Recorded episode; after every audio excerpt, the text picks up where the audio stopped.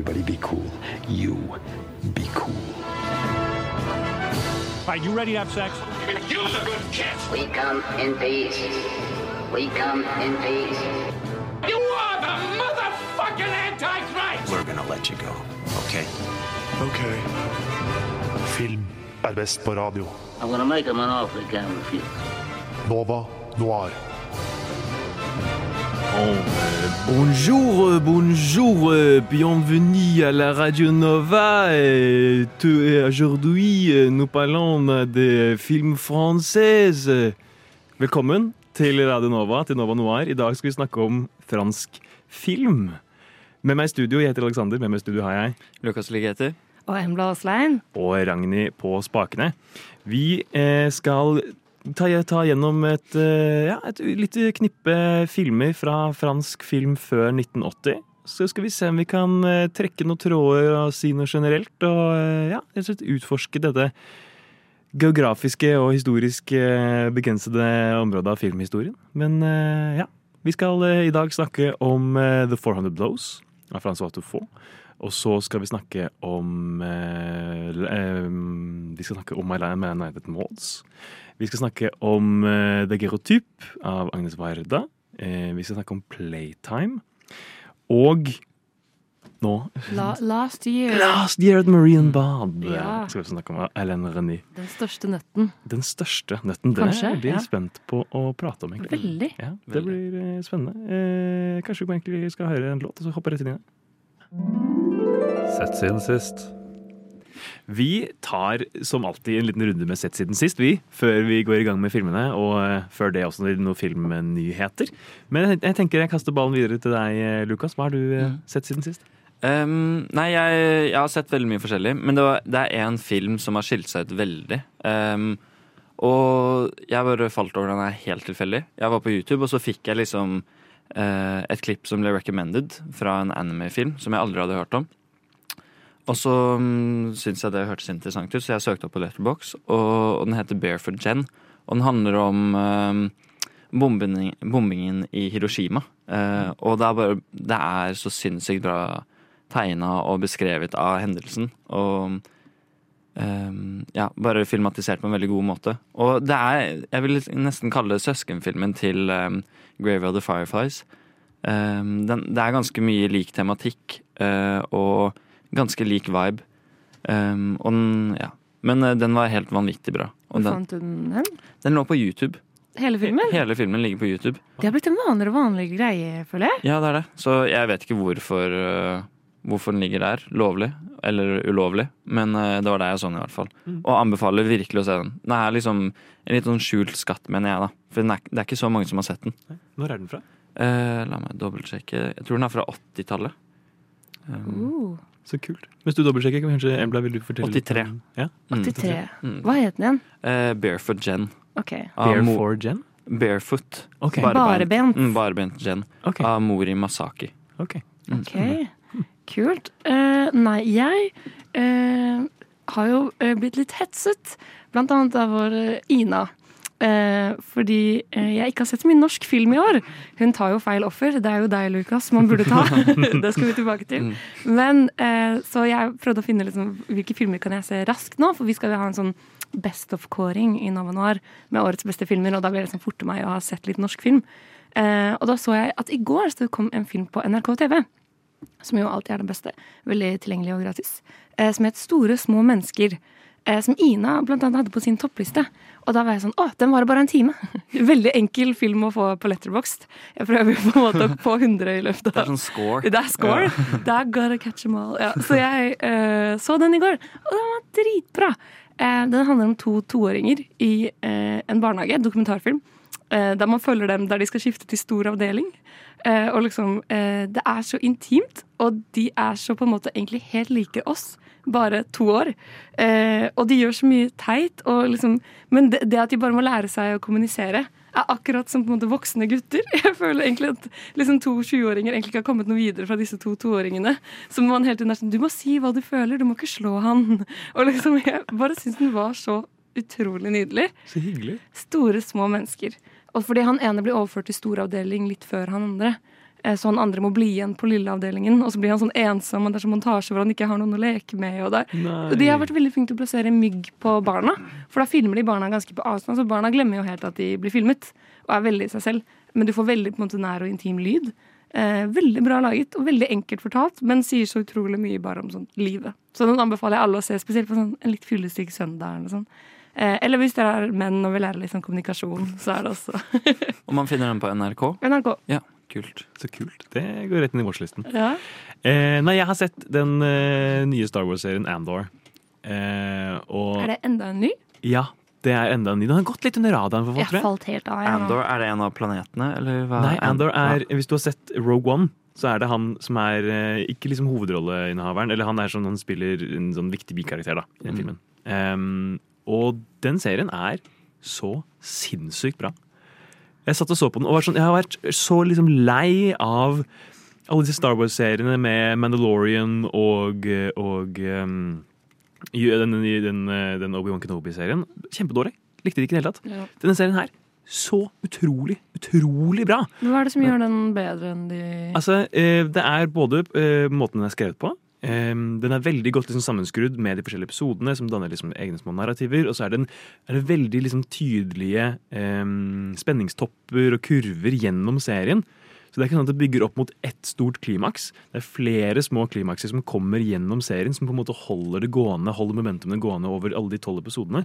Og jeg har liksom sittet og sitret etter hver episode vært sånn Å, jeg må se mer! Så det er kanskje litt mer sånn Litt mer eh, vanlig seriestruktur da, i forhold til Mandalorian, for eksempel. Ja, for det er det at den på en måte tør å gå utenfor liksom, den etablerte Star Wars-kanonen. liksom. Her møter vi liksom karakterer som man aldri har hørt om før, og vi kommer liksom på innsiden av mer det dagligdagse universet i liksom Star Wars. Og det er kjempekult. Det er kjempe, kjempekult. Ja, fett. Og mye av det er praktisk, og det er praktiske effekter og praktiske sets. Og det, det er jo imponerende med liksom Mandalorian, det svære settet de bygget eh, hvor man kunne rotere kameraet rundt, og så var det liksom LCD-skjermer overalt. Det, imponerende. Men den liksom taktile følelsen du får av å se Andor, er bare noe helt annet og helt utrolig bra. Alle de tolv episodene er ute på Disney Plus, og det er en kjempestor anbefaling hvis man mangler noe å se på i romjula. Ja, det er veldig Ja. romjul med Ja. Star Wars. Ja. Nå ble jeg solgt. Det her kommer jeg faktisk til å se på. For ja. Da jeg så Mandalorian, så var jeg ikke overbevist i det hele tatt. Nei. Jeg så på det med familien, øh, og så husker jeg at jeg bare kjeda meg. Og jeg synes det var, er så mye Det er skrevet for barn. Ja. Uh, og det føler jeg liksom som ødelegger litt. det, som det er en skikkelig diss, men det er jo det det er. Ja, men det, jeg syns det er en diss. Uh, fordi det er sånn uh, de, de som er oppvokst med Star Wars, er jo ikke barn nå mer. Um, og jeg føler det er sånn eh, Det burde vært kanskje litt nesten, Eller jeg vet ikke, Mummitroll er kanskje litt dårlig eksempel, men det kan jo både voksne og barn se på, liksom. Mm. Men Star Wars føler jeg bare er blitt litt for barnslig nå. Ja, for det her er ikke, ikke en barneserie. Det er, liksom, det, er, det er litt casual sex, og det er ganske mye Uh. vold. Og, men, Ok, jeg og er det er solgt. litt er for, ja, for det er litt for liksom, altså, Historien er kanskje litt for komplisert til å følge med på som et barn. Det er definitivt en serie laget for voksne, og det er dritbra. Filmnyheter. Alt som vi lager nå, er remakes eller liksom samme historie om igjen. Om det har skjedd eh, en stor eh, skandale. Film. Film. Film. Film. Film. Film. Film, film, film, film, film, film, film, film, film, film, film. Film. Film. film, Film. film, Film. film, Film. film, Film. Veldig nytt filmnyheter. Det er 1. desember. Eh, offisielt jul, mener jeg. Nå kan man eh, få lov til å bare drikke så mye julebrus man vil. Eh, og høre på så mye julesanger. Eh, og apropos det, så eh, har NRK skrevet at Juli Blåfjell skal bli spilt på TV igjen. For det hadde vi fjerna en liten stund. Ja, eller i hvert fall blitt tilgjengelig, eller skal det gå på TV òg? Jeg tror det skal gå på TV. Lineær-TV? Ja, jeg er ganske sikker. Jeg skal ikke si det med 100% sikkerhet, men um, det står jo um, Nå bare eh, For alt kommer tilbake i spilleren, Ja, for det, det er tilgjengelig i NRK-nettspilleren, er jeg ganske sikker på. Ja, Mm. alle sesongene av Blåfjell, eh, Lynsvingen, altså Julesvingen. Alt er eh, De har kjøpt, brukt masse penger på å kjøpe opp rettighetene igjen. Så kult. Så nå er alt tilbake eh, og offentlig. Mm. Men eh, jeg krysser fingeren for at du kommer på TV. Jeg syns jeg kan huske det, men jeg skal ikke si det med sikkerhet. i hvert fall For du skal Men- se det på lineær-TV i så fall. Ja, hvis jeg, jeg skal kjøpe TV og hele pakka. Ja, for du har ikke bare for TV. å se Nei. Tune inn til NRK1 og Ja. sette deg ned i godstolen. Men det er sykt koselig. Se for deg det hvis man kan gjøre det. Bare varme seg en kopp te om morgenen, spise litt pepperkaker, se på Julie Blåfjell. Ser du på julekalender om morgenen? Hmm? Om morgenen? Nei, på, ja, når det går, da. Men jeg ser for meg Hvis, hvis jeg ikke går på lineær-TV, så gjør jeg det om morgenen i hvert fall. Ja, fordi Jeg har snakket med noen som, som har tenkt, tenkt å gjøre det som en del av morgenrutinen sin. Mm. Stå opp litt ekstra tidlig nå i desember for å liksom få uh, klinka gjennom en episode av denne jule-TV om morgenen. Det er egentlig veldig koselig. Ja. Jeg har alltid sett på den om kvelden, og da har jeg merket at jeg faller fort av. Ja. Eh, Men kanskje hvis man bare har det på mens man spiser frokost og gjør seg Ja, men, det er det, men det er det som er så deilig med lineær-TV. Bare ha det i bakgrunnen. Ja. Det er nesten litt som radio. Er Eh, alltid bare på radio i bakgrunnen, Mm. Uh, uansett hva jeg gjør. Og det er kjempekoselig. Men TV er kanskje å ta det bare ett steg videre. Ikke sant? Og så kan man sitte og spise frokost mens man ser på det, og så fyre peisen og ta, ta, ta et godt, varmt teppe rundt seg. Ja. Hvilken kalender skal dere se på? Har dere en favoritt?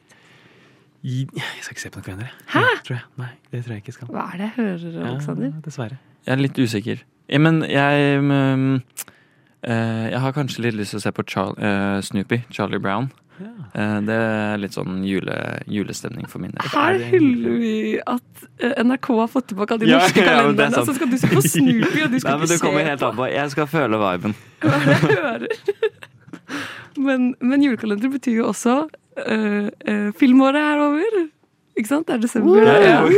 Eh? Vi skal, vi, vi skal oppsummere filmåret. Eh, ikke neste sending, men sendingen etter der igjen, tror jeg. Ja, kåre de beste. Ja, kåre de beste. Oppsummere hva vi syns er best, og finne ut av hva vi som redaksjon har kommet fram til at eh, er det beste. Og før det, i dag så tenkte vi skulle bare liksom gå gjennom litt sånn norsk filmår, for det har vært et, eh, et bra norsk filmår.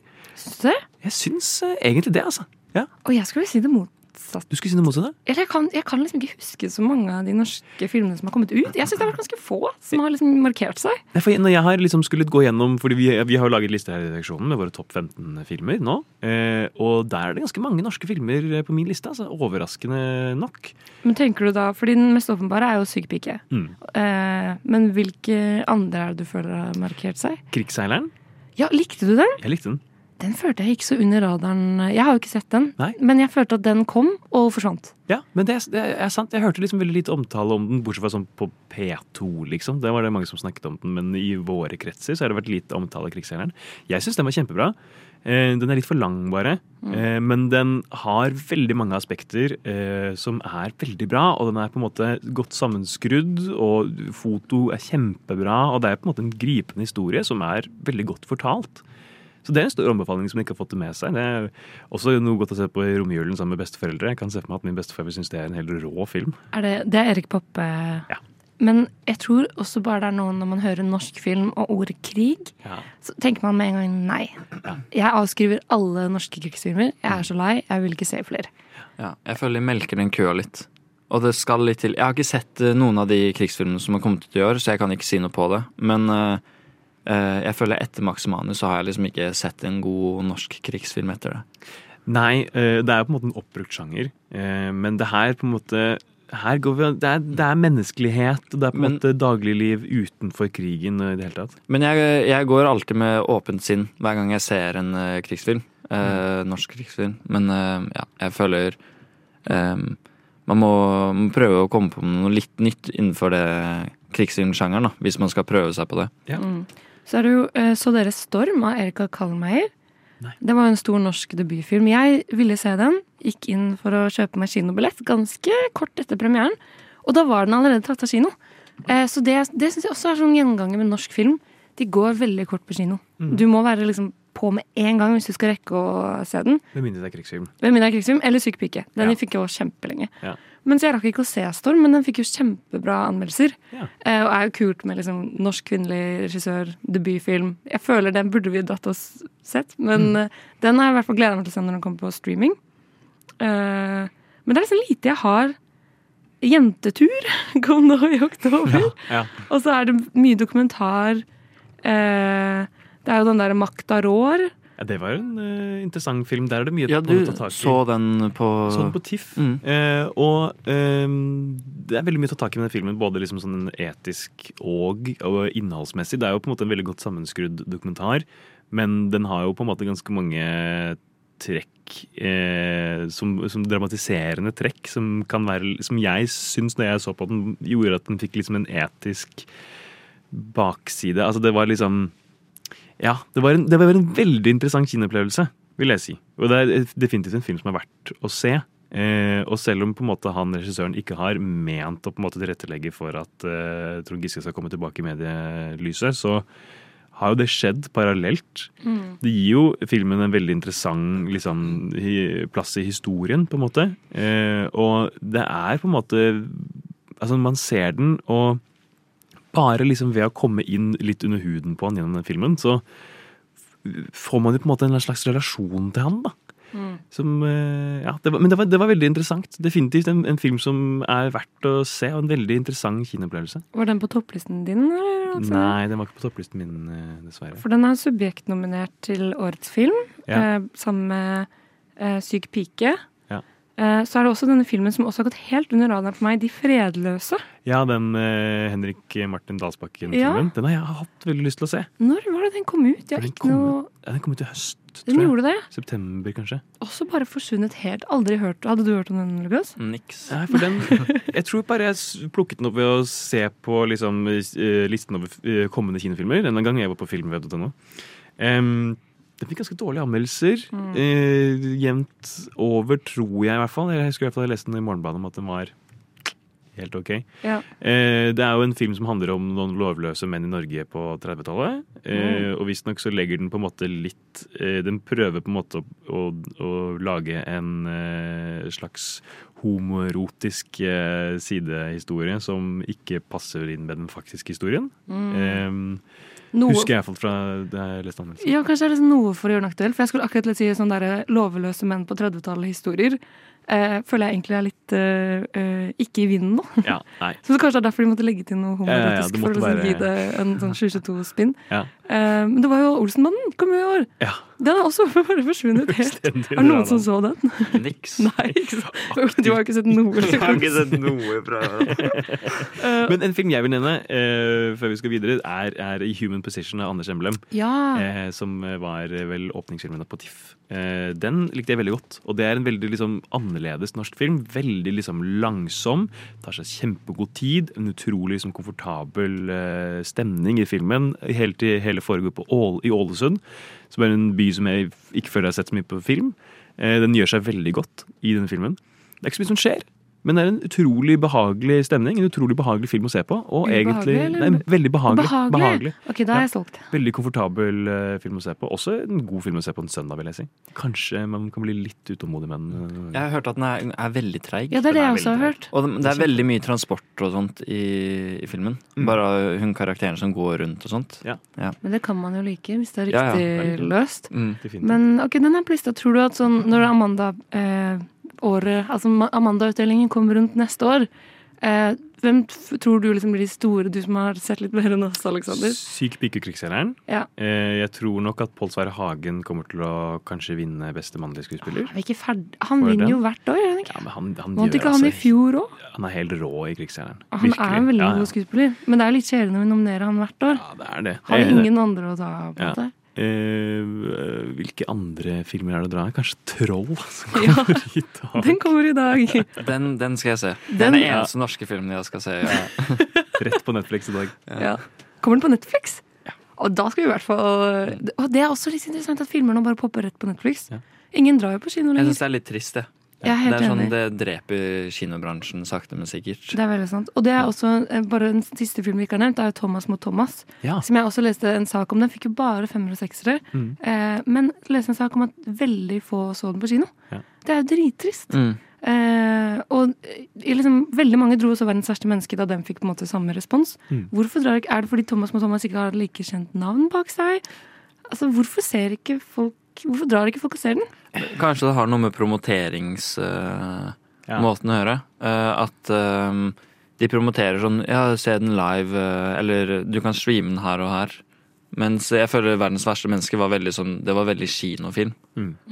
Og det er liksom det store navn, det har vært i Mm. Cannes, det har vunnet priser. Det er jo liksom masse, liksom, masse blest om den på en måte som norske filmer egentlig ikke har. Ja. Og da må vi plutselig alle se den. Mm. Kanskje det er billigere å streame filmer enn å vise de på kino. Så kanskje det liksom har noe med budsjett å gjøre. Ja. Og nå er vi drøye! Og så er det sånn, men dere er jo egentlig ikke det. Nova Noir. Vi skal gi temaet vårt, vi. Fransk film fra Oh. før 1980. Eh, dette ble jo på en måte litt til fordi Særlig dere to Lukas og Embla, hadde veldig lyst til å snakke om fransk film. Ja, vi romantiserer det veldig. Ja. Men eh, ja, fordi jeg, eh, jeg tenkte Det var noen franske filmer jeg hadde sett som jeg trodde var franske, men så var det ikke Ja, franske regissører. Og da ble jeg litt sånn ah, fuck. Men det er fortsatt helt sinnssykt mye bra å snakke om. Da. Ja, absolutt. Og det er på en måte vanskelig å oppsummere eh, et helt lands filmhistorie på én sending på to timer, så vi har på en måte litt valgt å gjøre det i to deler. Det her blir en part én, og så Mm. får vi en part to på et senere tidspunkt. Eh, vi skal fokusere på filmer som er fra før 1980. Vi skal innom litt fransk nybølge. Mm. Vi skal også innom det som heter rive gauche, som jeg tror er en, eh, en eh, bevegelse som ikke så mange har kjennskap til. Eh, og så skal vi over i eh, litt mer liksom, pekuliære, sånn, eh, sånn egenartede regissører. Jacques Tati og Agnes Varda. Vi har en dokumentarfilm på agendaen. Det er den til Agnes Varda. Den gleder jeg meg veldig til å snakke om.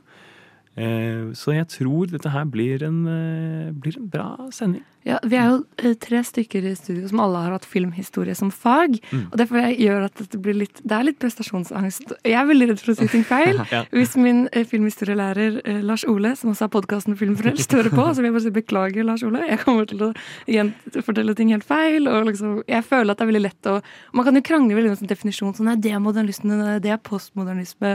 Og liksom, nei, det, Vi holdt jo på sånn før sending, Lukas, og dere kranglet om New Hollywood var fra 65 eller fra 70-tallet. og liksom, Det blir plutselig veldig teknisk.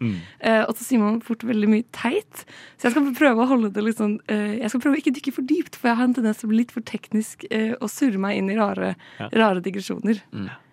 Jeg tror man må bare Det er jo egentlig ikke sånn at det alltid er veldig tydelige definisjoner eh, og årstall og datoer på når ting var og hvordan ting var og så videre. Så jeg tenker eh, vi skal bare unngå å krangle. Ja. Vi skal prøve det. Det skal ikke være noen forelesning i dette her. Nei. Vi skal kose oss. Vi skal kose oss. Mm. Eh, knekke den franske nybølgen. Ja. Eh, forsiktig fra hverandre. Forsiktig brette den ut Ja. og se hva vi finner inni. Hva er det her? Men er- jeg føler at jeg liksom Jeg har liksom ikke sett så mye fransk film fram til det siste året her. Og nå har jeg bare blitt sånn helt filmfrelst. Oh. Så, mm.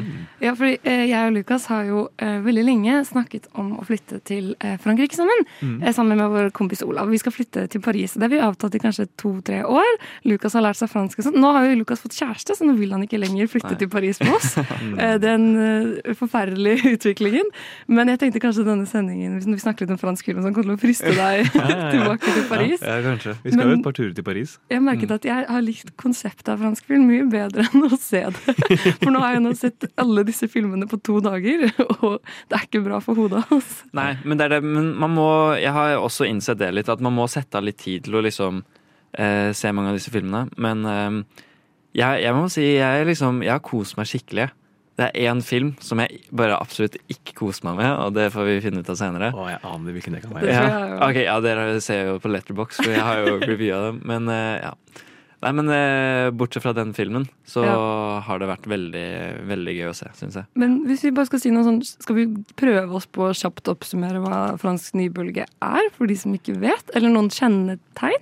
Ja, altså, um, Den første filmen, filmen vi skal snakke om, eh, er jo på en måte Det kan man jo kalle gjennombruddet for fransk nybølge, så vi kommer i hvert fall til å komme inn med det der. Eh, de andre filmene vi skal snakke om, har jo ikke så mye med nybølgen spesifikt å gjøre, men vi skal i hvert fall innom noe liksom, eh, sjangertrekk og noe forskjellige greier med, med fransk nybølge. Og så skal vi jo se liksom, på hvordan det har formet film litt, litt senere kant. Ja. Og så mange av disse regissørene er jo veldig knytta til Fransk eh, nybølge. fransk nybølge. Men eh, de filmene vi snakker om, er nødvendigvis, nødvendigvis ikke knyttet til fransk nybølge. Noen er noen er, Fransk nybølge er jo en litt sånn paraply. på en Mm. måte. Det kan, mye kan puttes inn. Men den vi skal begynne med, er kanskje liksom kjernen, eller sånn den første du tenker på når Ja. du tenker fransk Mm. nybølge. Ja. ja, Det er enten den eller Breathless Ja, eller- av eh, Jean-Luc Godard. Mm. Ja. Absolutt. Så kanskje vi bare skal uh, hoppe inn i det. Nova Noir. Film på radio. Hver torsdag 10 til 12, eller i din podkast-app når som helst. Skal, inn, vi skal inn i vår første film for dagen, 400 Blows. I 400 Blows så møter vi den unge Antoine Donnell som Altså Han går gjennom liksom alle disse små tingene i barndommen. Han eh, skal eh, finne ut av eh, skole og jobbe med sine, med sine foreldre. Og han prøver å liksom få ting til. Han får det bare ikke til.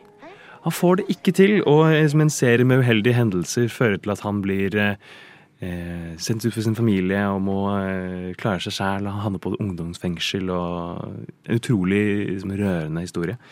Debutfilmen til eh, Francois Truffaut. Og en film som på en måte virkelig kickstartet den eh, franske nybølgen og vant regiprisen i Cannes i 1959. Eh, og var liksom startskuddet for det som på en måte skulle bli denne nye bølgen da med, med, med franske film. Dette er virkelig en av mine favorittfilmer, både altså fra liksom musikken til eh, historien og, og spillet til eh, den gode Jean-Pierre Léon. Eh, hva var deres opplevelse med den her, eh, Embla? Altså, jeg hadde jo aldri sett den før. Eh, Det er en av de som har vært på lista kjempelenge. Så jeg gledet meg veldig, og jeg ble ikke skuffet. Jeg trodde den skulle være mye mer rar enn den var. Eh, Av alle de filmene vi skal snakke om i dag, så syns jeg denne er den mest på en måte lineære. Og egentlig et veldig bra sted å starte hvis man er, liksom, vil dyppe tærne litt i nybølgen og ikke helt vet hvor man skal begynne.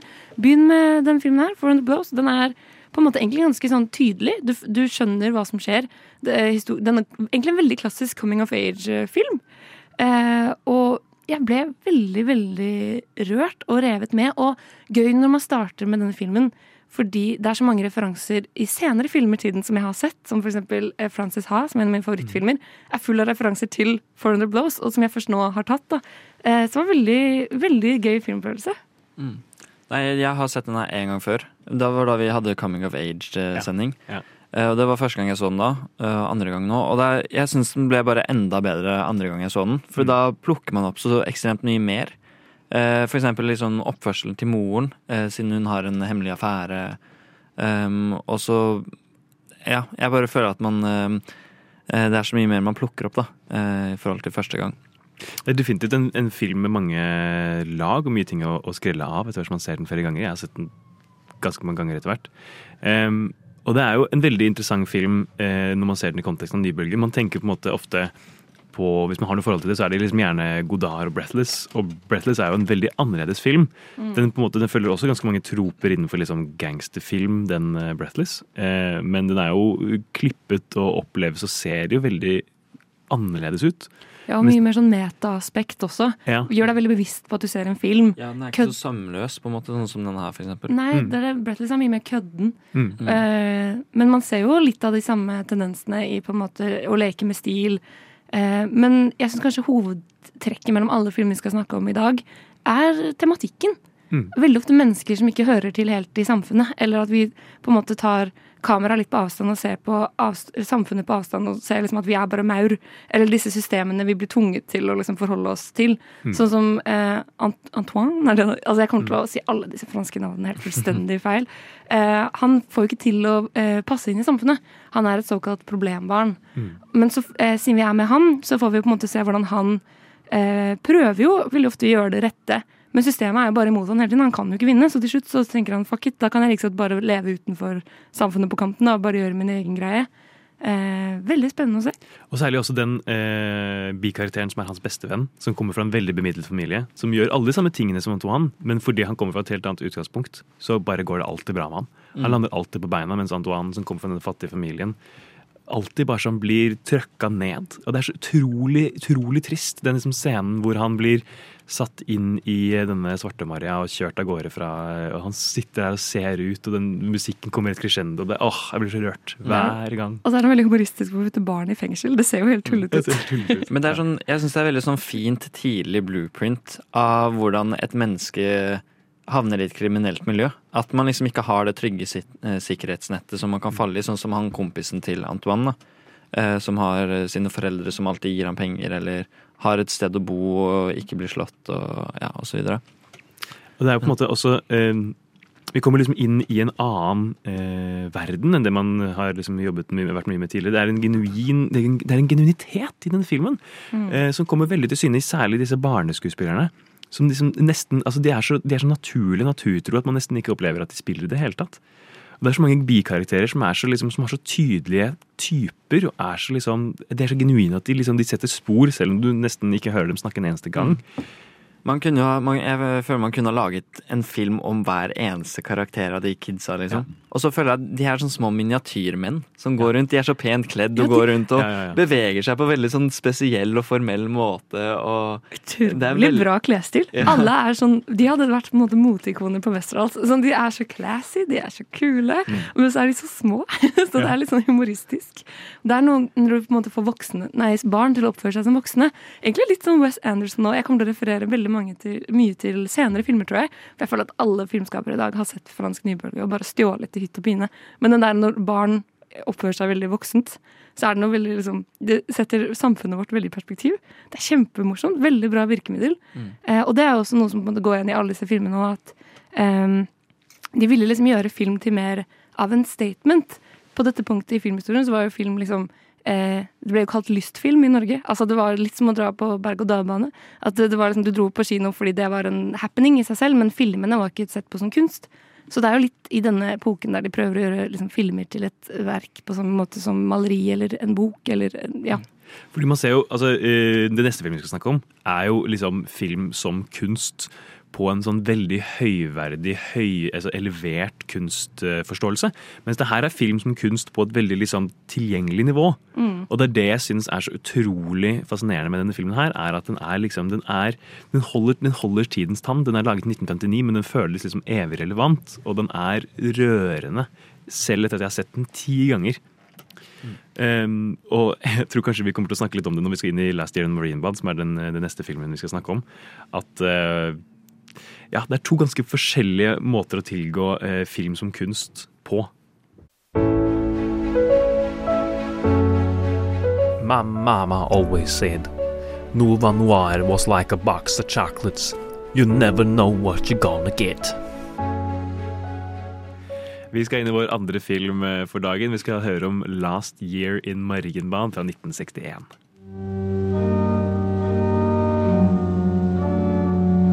Vous m'attendiez. Pourquoi vous attendrais-je Je vous ai moi-même attendu longtemps. Dans vos rêves Uh. Eh, altså, denne filmen handler jo om en navnløs mann som møter en navnløs kvinne, vi får aldri vite hva de heter, så de har sikkert navn, Uh, på et slags hotell og prøver å overbevise henne om at de har møttes før.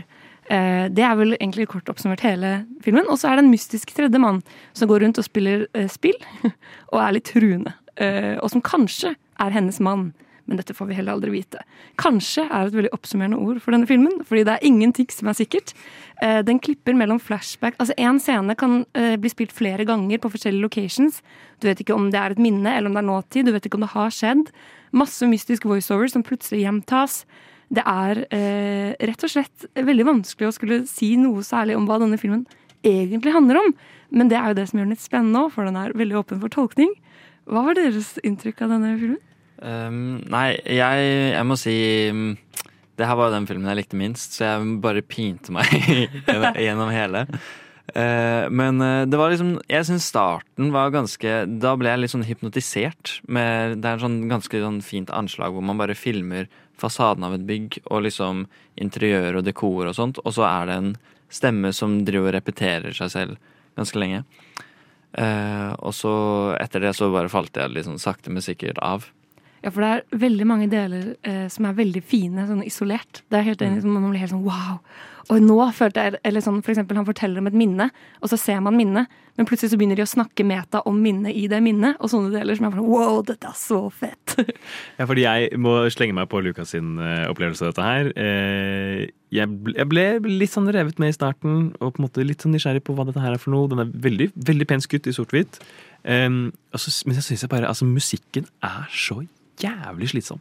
Og var det det du Det var der du falt av? Ja, Liksom, det, altså, det, var der, det var der det begynte for min del. At jeg ble så utrolig lei. Og den er så utrolig insisterende og ubehagelig, og selvfølgelig er det med vilje.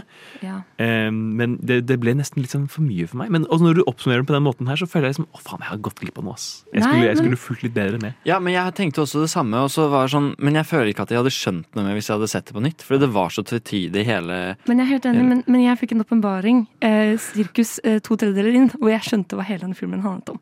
Eh, og jeg googlet, og det er veldig mange som er enig med min tolkning og har samme tolkning. Eh, dette blir jo på en måte ikke en spoiler, for det er bare en helt vill tolkning ut av noen rare lappetepper. Men det det er, er de er, dette hotellet er limbo.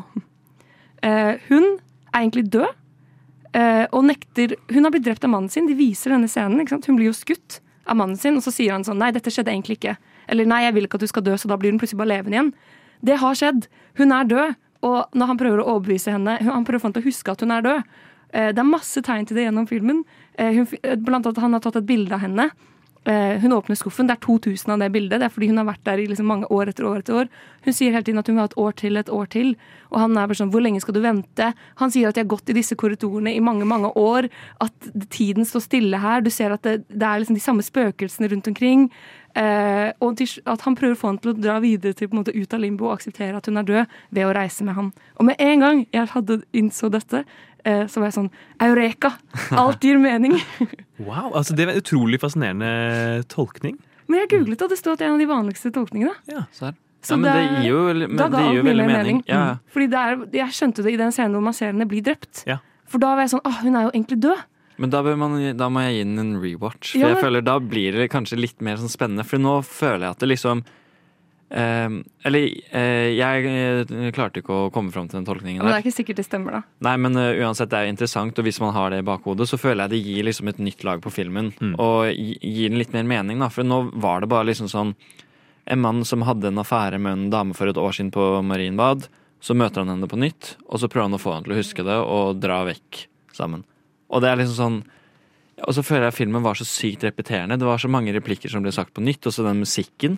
Eh, det var liksom som å se Det var sånn skrekkfilmmusikk. Ja, Eh, det, og det veldig meg sånn litt om den Phantom of the Opera- Opera-sangen. den der du, du, du, du, du, du, på orgelet. Den Mm. er egentlig veldig lik. Men jeg er helt enig, og jeg satt og tenkte sånn der Å, jeg kan like dette konseptet. Jeg kan like at dere leker med stil. Jeg, kan li, jeg li, backer dette på papiret. Men det er utrolig kjedelig å se på. Mm. Og så er det en, eh, Han er en utrolig interessant filmskaper, Alain- René, som har laget denne filmen. Eh, han har jo også laget denne filmen som heter Hiroshima Mon Amour, som nok er den filmen han er mest kjent for. Som også er veldig opptatt av liksom erindring og død og ødeleggelse, som på en måte også er litt tematikker under dette her. Um, og dette her er jo uh, ikke uh, nybølge som sådan, men det som heter uh, Rive Gauche. Som er en annen, liksom litt før tid, liksom en, en, en bevegelse som kom litt før eh, nybølgen. Som også er liksom veldig eksperimenterende, men som tar det mer i en kunst, eller en film som, eh, som kunstart. Og som hever det på en måte til et, et høyere liksom, kunstnivå, da, hvis man kan si det på den måten. Vet du hvorfor det heter Rev Gauche? Ja. Det betyr jo venstredrøm, tror jeg. Eh, venstre, venstre Left bank, altså sånn okay, venstre ja, delen ok, av elven. elven. okay, ja. Riv, ja, riv, eh, altså sånn i, som i elv. Ja. Eh, og det handler egentlig bare om en geografisk plassering i Paris, hvor de hang mye, tror jeg. Altså, jeg tror det er et område i Paris som heter Rive Gauche, Mm. hvor de var eh, ofte. Jeg føler også at eh, Det alle disse også har til felles, er jo på en måte at modernismen ligger over altså Modernismen er jo en del av nybølgen av neorealisme. Det er liksom en stor sjanger. Og tematikken eh, her, også det der med drømmer, litt sånn Felini sin 8,5 og sånn, at det er sånn hva er ekte, hva er ekte, eh, ikke Mm. ekte? Den går inn i sinnet. Hva skjuler seg i liksom, menneskesyken? Freud. Eh, og det, jeg prøvde å finne ut hva han regissøren hadde sagt selv om denne filmen, og han sa han hadde lyst til å lage en film som var klippet sånn som mennesker tenker. Altså sånn assosierende. Eh, Så da føler jeg også igjen det er sånn konsept jeg vil, jeg vil ikke egentlig lage en eh, treakterfilm. Jeg vil bare prøve å vise i bilder hvordan mennesker tenker. Mm. Nei, men er det, Jeg fikk litt sånn Fellini-vibes. eh, Sånn åtte og en halv. Eh, Åtte og en halv liker jeg veldig godt. Men uh, den her så følte jeg liksom ikke at den fikk til liksom uh, Eller, jeg vet ikke. Jeg er litt sånn redd for å påstå litt sånn uh, Nei, litt for mye. Men jeg, jeg ble den, den gjorde ikke en like god jobb som åtte og en halv med å gå tilbake til fortiden og det der med sånn tvetydighet. Hva som er virkelig og hva som ikke er virkelig. Det ble for forvirrende. Ja, fordi jeg, Det at jeg slenger på min limbo-tolkning, da, det er jo bare en, en, for meg en måte å prøve å forstå det og sette det i en strukturell kontekst på, som gir mening. Og da ga alt mening for meg, men det er jo igjen bare jeg som på en måte menneske som prøver å forstå Mm. eh, litt mer av dette. Eh, men jeg tror ikke man kan se på disse filmene på samme måte som man ser på andre filmer.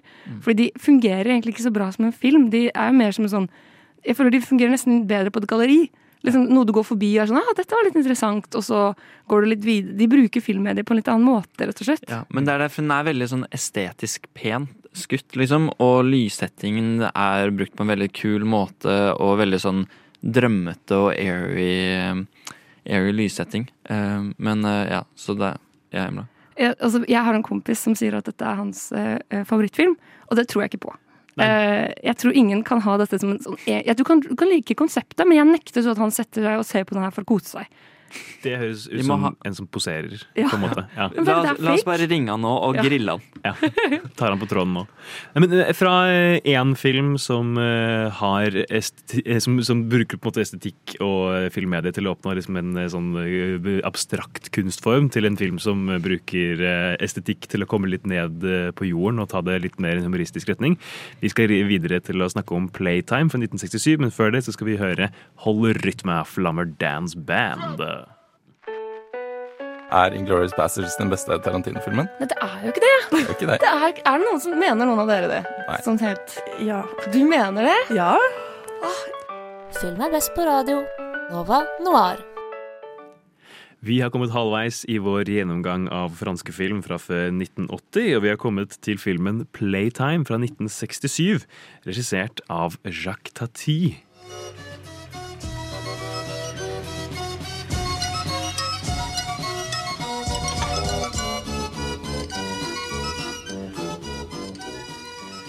Playtime handler om eh, Monsieur Hulot, spilt av eh, regissøren selv, som eh, går rundt i et meget moderne og høyteknologisk Paris. Og prøver å få gjort unna noen ærender osv. Vandrer rundt i byen, møter på noen forskjellige mennesker. Det er en gruppe med amerikanske turister som skal rundt og oppleve byen. I det hele tatt er det en litt sånn slapstick du kalte den eh, Embla eh, filmbro eh, Mr. Bean, og jeg syns det er en ganske treffende eh, beskrivelse. Det er en litt sånn Mr. Bean-aktig karakter, Monsieur Hulot, som går rundt og så er, har en hatt og stokk og frakk og er veldig liksom distinkt. Eh, en utrolig, jeg syns det er en utrolig underholdende film, men eh, hva syns du, Embla? Altså, den utrolig underholdende. 100% Ekstremt overstimulerende. Eh, dette, har, jeg tror de har bygget eh, disse settene, hvis jeg har skjønt riktig. De har jo bygget en sånn høyteknologisk barcode Paris. Jeg tror dette tar sted i sånn der futuristisk eh, ond fremtid, eller som vi typ lever i nå, da. Eh, hvor alt er sånn overteknologisk, og, så han kommer, liksom, kommer seg ikke inn dører og sånn fordi han finner ikke knappen. og liksom Alt er bare sånn åh. Eh, alt, Hver eneste frame i denne filmen er gigantisk, med 100 statister, masse detaljer, eh, som på en måte finner-Willy. Eh, Det er en skripters verste mareritt. ja! Det er så overstimulerende å se på. Jeg ble så sliten. Og det er så mange scener som bare Det er sånn en scene hvor han bare skal komme seg inn i en heis, som varer sånn ti minutter.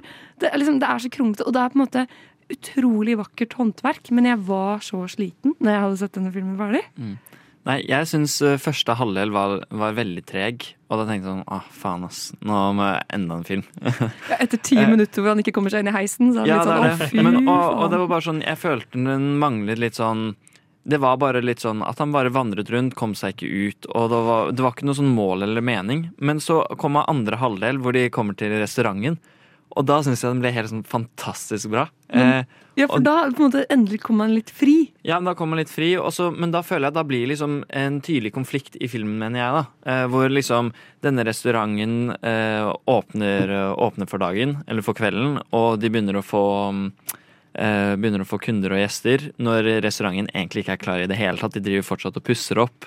Eh, og så er det en litt sånn high end restaurant, så de må liksom tilfredsstille gjestene sine. da. Eh, og alt blir bare mer og mer kaotisk og går rett til helvete. Og det syns jeg er helt fantastisk bra. Jeg er enig. Den delen av var legende. Jeg syns det er helt omvendt.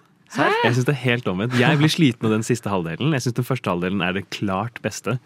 Eh, og det er eh, egentlig liksom fordi at det er liksom denne liksom modernismekritikken, som er litt sånn gammel mann roper på skyaktige greier. Men det er veldig underholdende å se på. Det er veldig estetisk. Og jeg syns, eh, der dere ser disse store, eh, slitsomme bildene, så jeg, jeg synes jeg bare det er utrolig vakkert og flott. Og det er koreografert, og det passer til altså, lyssetting blinker med musikken, og det er utrolig, liksom, utrolig godt håndverk. Og eh, liksom slapsticken er morsom. Jeg blir jo en gammel mann når jeg ser på dette her, men jeg syns det er utrolig underholdende. Ja, det, altså det er, Du kan stoppe hvilken som helst eh, frame i denne filmen og sette det på et galleri. Liksom, er nydelig. Alt er som et sånn Edward Hopper-maleri. Det er helt fantastisk. Men eh, og liksom, jeg føler at jeg blir på en måte eh, Gud som sitter og ser ned på disse maurene av mennesker og ler av sånn ha-ha-ha. Bare sånn en fem minutter lang scene av noen som prøver å krysse en rundkjøring. Altså det er veldig, på en måte, Jeg ser humoren, men du har skjønt det etter fem minutter. Eh, på en måte hva, Du skjønner hva den prøver å si veldig fort. da Mm. eh, Hva den sier om å være menneske, om byen og moderne, modernismen. Så da på en måte sitter du og venter på en eskalering veldig lenge, som egentlig ikke kommer før restauranten. fordi da eh, på en måte bryter eh, Den skifter jo på en måte stemning på et punkt hvor på en måte fasaden bryter sammen, bokstavelig talt. Eh, og så blir liksom alle menneskene bare liksom gærne og fri. Som jeg føler også er liksom sånn vi blir eh, nordmenn med alkohol. Nord nordmenn i julebordsesongen. Så er liksom alle bare plutselig seg selv. Og så er det bare kjempekoselig og deilig, mens alle, ingen er sånn fasademennesker lenger. Så Mm. kommer sola opp, og så blir alle små maur igjen. Mm. Jeg synes Det er veldig sånn vakkert og og men- enkelt fortalt. Ja, nei, men jeg, jeg er ganske enig der. Men jeg synes også, men starten så var det mange morsomme deler hvor jeg faktisk lo høyt. Og det er ikke ofte jeg ler høyt av filmer. Eh, så det er sånn, starten hadde, hadde en, eh, en del gullkorn her og der. Men så var det liksom Jeg ble, eh, ble veldig sånn dratt inn i filmen andre halvdel. Det, det syns jeg er veldig fascinerende. Men jeg er veldig jeg er så glad for at vi har hatt liksom, eh, positive opplevelser på hver vår måte. Um, men vi kan jo på en måte trekke litt tråder mot den filmen vi, så, vi har snakket om i stad, som er også en gjennomestetisert film, men hvor på en måte narrativet blir gjort, altså, blir gjort veldig liksom, obskurt og vanskelig å trenge gjennom. Her er det et ganske enkelt narrativ. Mm. Fortsatt en veldig liksom, gjennomestetisert film, med et ganske enkelt narrativ som på en måte det er laget for å underholde og har liksom kanskje en liten, eh, et lite budskap, men det kommer liksom i andre rekke for liksom underholdningen, da. Jeg syns budskapet står veldig tydelig, veldig Nesten litt overtydelig. Mm. Eh, men eh, det jeg føler de begge har til felles, som eh, 400 Blows ikke har, er jo at de fullstendig egentlig mangler struktur. Det er ikke noe treakter her. Det har på en måte 400 Blows. Egentlig nesten ingen av disse har på en måte en sånn dramaturgisk, klassisk struktur. Mm. Og jeg merker at sånn, Man kan jo på en måte disse den Hollywood-modellen så mye man vil, men det er veldig vanskelig å henge med emosjonelt uten den.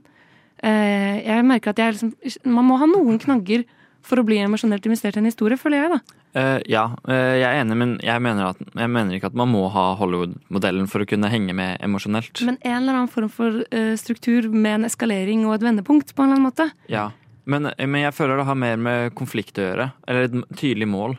Eh, for i denne filmen her så føler jeg liksom ikke at det er noe ordentlig mål hos hovedkarakteren før eh, andre halvdel. Eh, bortsett fra at han liksom prøver å komme seg ut eller komme seg dit og hit. Og det er liksom ikke noe som står på spill, mens plutselig i restauranten så er det liksom Det må tilfredsstille kundene, hvis ikke så går restauranten i dass, liksom. Mens i Ma- Marienbad, da følte jeg liksom sånn Da var det kanskje litt for Det ble bare altfor obskurt. Og det ble liksom Det var ikke noe eh, hovedkarakteren trengte å tape Eller det var liksom ikke noe, eh, noe Det var ikke noe stort å miste, da, hvis han ikke fikk, eh, fikk den dama med seg, liksom. Det er veldig poetisk. eh, Ja. ja. Menig, men føler det, er det det dere tror som, når vi kjeder oss litt når vi, under disse eh, filmene og merker å nå er det litt tungt å se på, er det det vi på en måte eh, savner litt? Noe på en måte konkret å holde fast i? Noe tydeligere struktur, Ja. som på en måte er det som er mer til stede i Foreign the Blows. da, på en måte. Ja, liksom en tydeligere fortelling Ja. fra A til Å. Ja, det er kanskje det. Ehm, Jeg vet ikke, altså jeg trives veldig godt i den, det universet som lages i Playtime, i motsetning til eh, Last Year in Marienbad. ehm, Som gjør at den aldri egentlig blir kjedelig for meg. Jeg syns den, den siste halvdelen blir litt for bråkete, på en måte. Det er liksom, det er, der, der blir jeg litt sliten. Mm. Eh, Der dere blir sliten av de store som settene med mange statister i den første halvdelen, så blir jeg veldig sliten av at det er så veldig mye som skjer. Han amerikaneren som skal 'Jeg kjøper barn! Alt er på meg! Jeg tar det!' Det er så gøy. Ja, det, det er veldig gøy.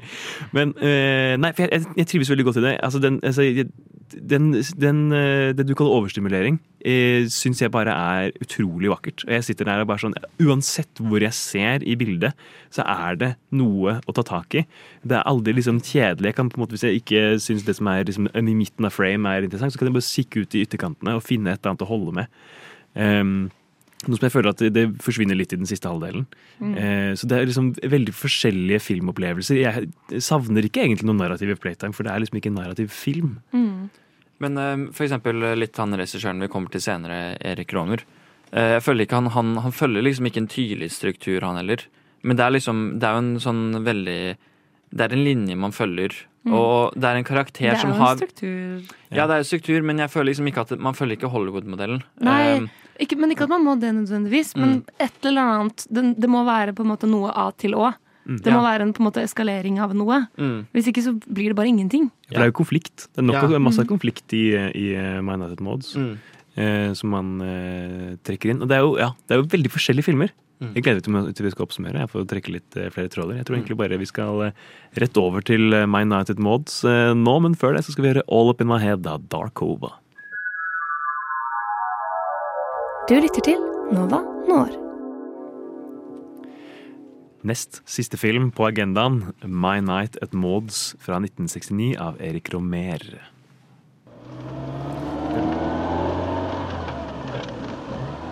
Je trouvais qu'il y avait quelque chose de bizarre dans son comportement. Il a des moments d'absence, de rêverie, comme s'il pensait à quelqu'un. Pas à quelque chose, à quelqu'un. Il serait amoureux, ça m'étonnerait pas. Ah, première nouvelle.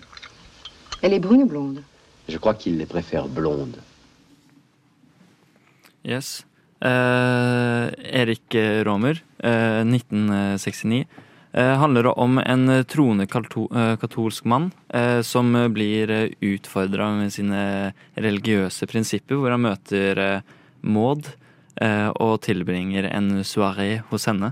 Um, og jeg må si, det er sånn Jeg liker bare Erik Romer bedre og bedre for hver gang jeg ser filmene hans. Um, og den Jeg syns den også var litt sånn litt treg på starten, slet litt med, med å henge med. Men så er det der med at eh, Nå glemmer jeg navnet på karakterene. Ja, Jean-Louis Trantagnas sin hovedkarakter. Ja. Eh, Um, Han heter Jean-Louis Ja, i filmen nå òg. Ja, okay. Men ja, så eh, møter jo Jean-Louis en gammel kollega av seg. Um, Vidal. Oui. Uh, og, og Vidal introduserer um, Jean-Louis. uh, Jean-Louis til, eh, til Maud hos henne. Og de har en liten uh, kveldsaften der Et sammen. lite nach. Ja, et lite nach, egentlig. Veldig dialogtung nach. Mm. Og så og så det han egentlig prøver på, han Vidal, er å sette Jean-Louis opp med Maud. Men er det det? Jeg føler det er en av de store debattene i filmen. Jo, men jeg, jeg, føler, jeg føler det. Det er sånn Ja, eller Alex? hva? Jeg, altså jeg føler, altså Det som Maud sier gjennom, eh, i løpet av den kvelden, er at eh, Vidal liksom har pushet eh, han på henne for at han skal ha en unnskyldning til å hate henne eller liksom legge henne fra seg. Det føler, Ja. jeg, det føler jeg treffer, liksom. Ja, jeg er enig, men jeg føler også at Vidal er litt sånn eh, Bare litt sånn salty. Ja. altså, han, Mm. han prøver seg jo på Maud hele tiden. Ja. Uh, ja, bare en liten side note. Men, Nei, det, men- det er litt sånn trekantdrama her, føler jeg, på et vis. Ja, men jeg føler det er sånn eh, Men det blir også Det blir jo på en måte litt lagt opp til at han skal være der. Med tanke på at hvis, eh, hvis Vidal egentlig hadde skikkelig lyst på Maud, så hadde han ikke bare stukket av som, som det, liksom. Jo, men han, han gjør det fordi Maud avviser, så han blir bitter. Føler Ja. jeg, da. Jeg føler han drar med sånn Jeg føler han er sånn derre oh, Nice guys, uh, sur, bitter, drar hjem og Jo, kanskje det. Kanskje. jeg føler han er pissed, Ja, jeg. må, jeg, jeg liker at du har så mange ulike perspektiv til ting, så da får jeg liksom må se henne en gang til med nye øyne, så det blir nice. Men det må også nevnes at de, det er jo ikke bare disse tre. Eh, Vi har jo hun Fr- Françoise. Françoise. Ja. De navnene her, Mm. altså. François. Hun heter fransk. Ja, Francois. Det Nei, er kvinnenavn. Ja, Fra, Francois er en mannlig versjon for uh, Françoise. Ja, Aha. Francoise.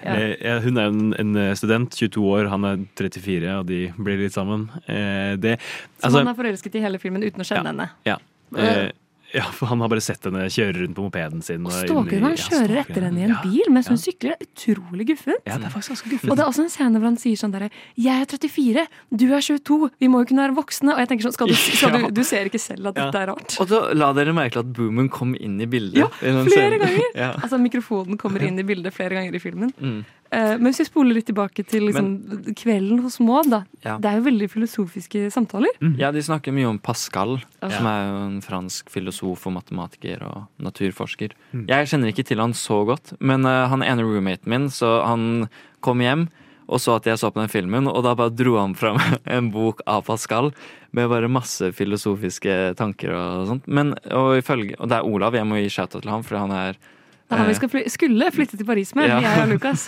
Men, uh, og han, uh, ja, han mente at Pascal tydeligvis var en person som har oppfunnet første kalkulatoren.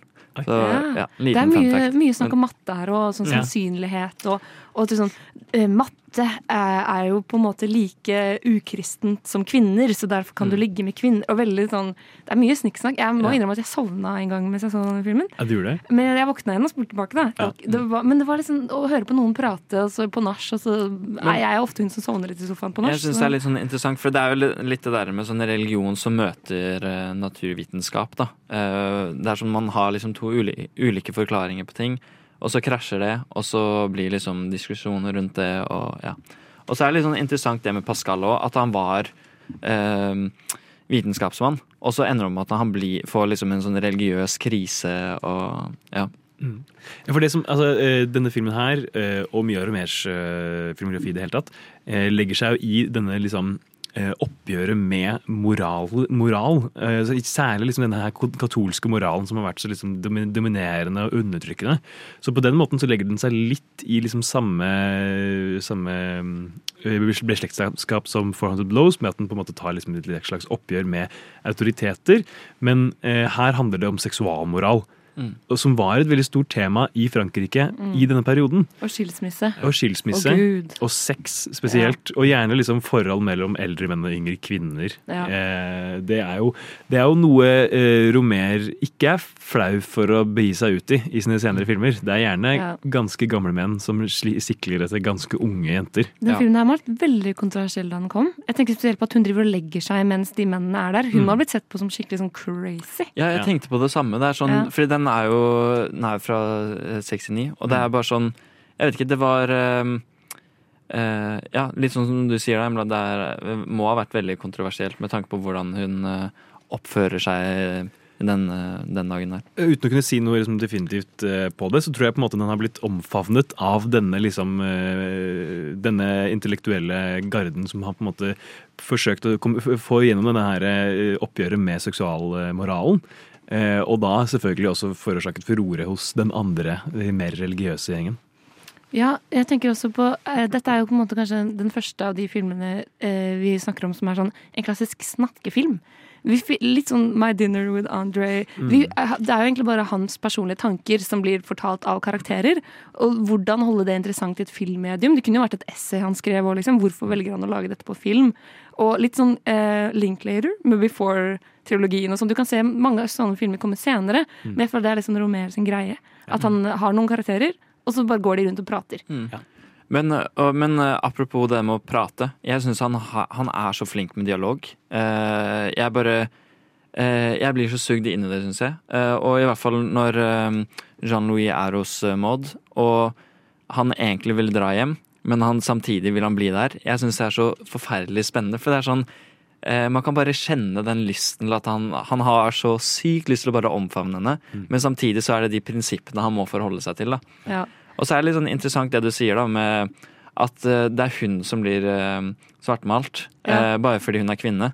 Mm. Eh, når det er egentlig han som har valget til å kunne dra eller bli, liksom. Men det, det som jeg synes til at det er en film med så mye dialog, hvor man snakker så mye om deres følelser, så skjønner jeg ikke Jean Logie i det hele tatt. Jeg følger ikke han emosjonelt i det hele tatt. Fordi etter denne kvelden hos Maud, det er bare sånn, da er det jo fortsatt en tredjedel igjen av filmen. Og da, han avviser jo Maud og drar derfra. Så møter han henne dagen etterpå, og da holder han henne fast og skal kysse henne. og å, 'Kom her, Maud.' Og jeg bare sånn, 'Hæ, du var jo sånn der 'Nei, jeg skal være sterk' for noen timer siden'. Og det eneste han har gjort i mellomtiden, er å møte den jenta han egentlig er forelsket i. Altså, Han er jo en helt wack hovedkarakter. uh, og jeg føler at Romer egentlig har et Enten så er han tidenes største dust, eller så har han et veldig bra kvinnesyn og bare maler disse forferdelige mennene på skjermen. For det går igjen i nesten alle filmene hans at det er en annen sånn dust Ja. som ikke klarer å velge damer, og som bare er sånn 'Å, jenter, å'. Jeg, jeg, syns du har helt rett, eh, Embla. Eh, Den forrige Romer-filmen jeg så for denne her, var Claire's Knee. Jeg vet ikke om dere har sett den? Den har ikke sett. Det er også bare sånn en idiot som kjører rundt i en båt på en uh, italiensk uh, innsjø og prøver å flørte med noen uh, 16 og 15 år gamle jenter. ja, vil, han, hans, liksom, hans Konflikten i filmen er at han vil ta på kneet til en 16-åring. Det er derfor den heter Claire's Knee. Oh, det. Og det er sånn, altså den, De idiotene som på en måte blir malt i hans filmer, jeg håper det er bevisst. Jeg tror det er bevisst, for han Ja. har så mange filmer som bare handler om jenter. Mm. eh, og har liksom bare kvinnelige hovedkarakterer som er venninner. Og sånn, og da føler jeg at han viser at han har et veldig bra kvinnesyn. Jeg syns han skriver kvinnekarakterer dritbra. Ja, det er helt Så jeg tror han er en ally. Ja. Men, og vi skulle egentlig snakke om A Summer's Tale, men så innså vi at den kom ut etter 80-tallet. Ja. Så da Ja. endra vi til den her. Men den det er jo også samme, samme greie. Ja, en uh, ung gutt som uh, sliter med å velge mellom tre jenter. Ja, det er litt håpløs, en håpløs tematikk. Ja. Men uh, vi, skal til, vi skal snakke om den Summer's Tale kanskje neste gang vi har denne sendingen. Men eh, nå skal vi eh, over til den eh, siste filmen for sendingen. Det er nemlig Daguerreotype av Agnes Varda fra 1975. In a world that's powered by violence. In a world without gas. In a world where owning a radio was strictly forbidden.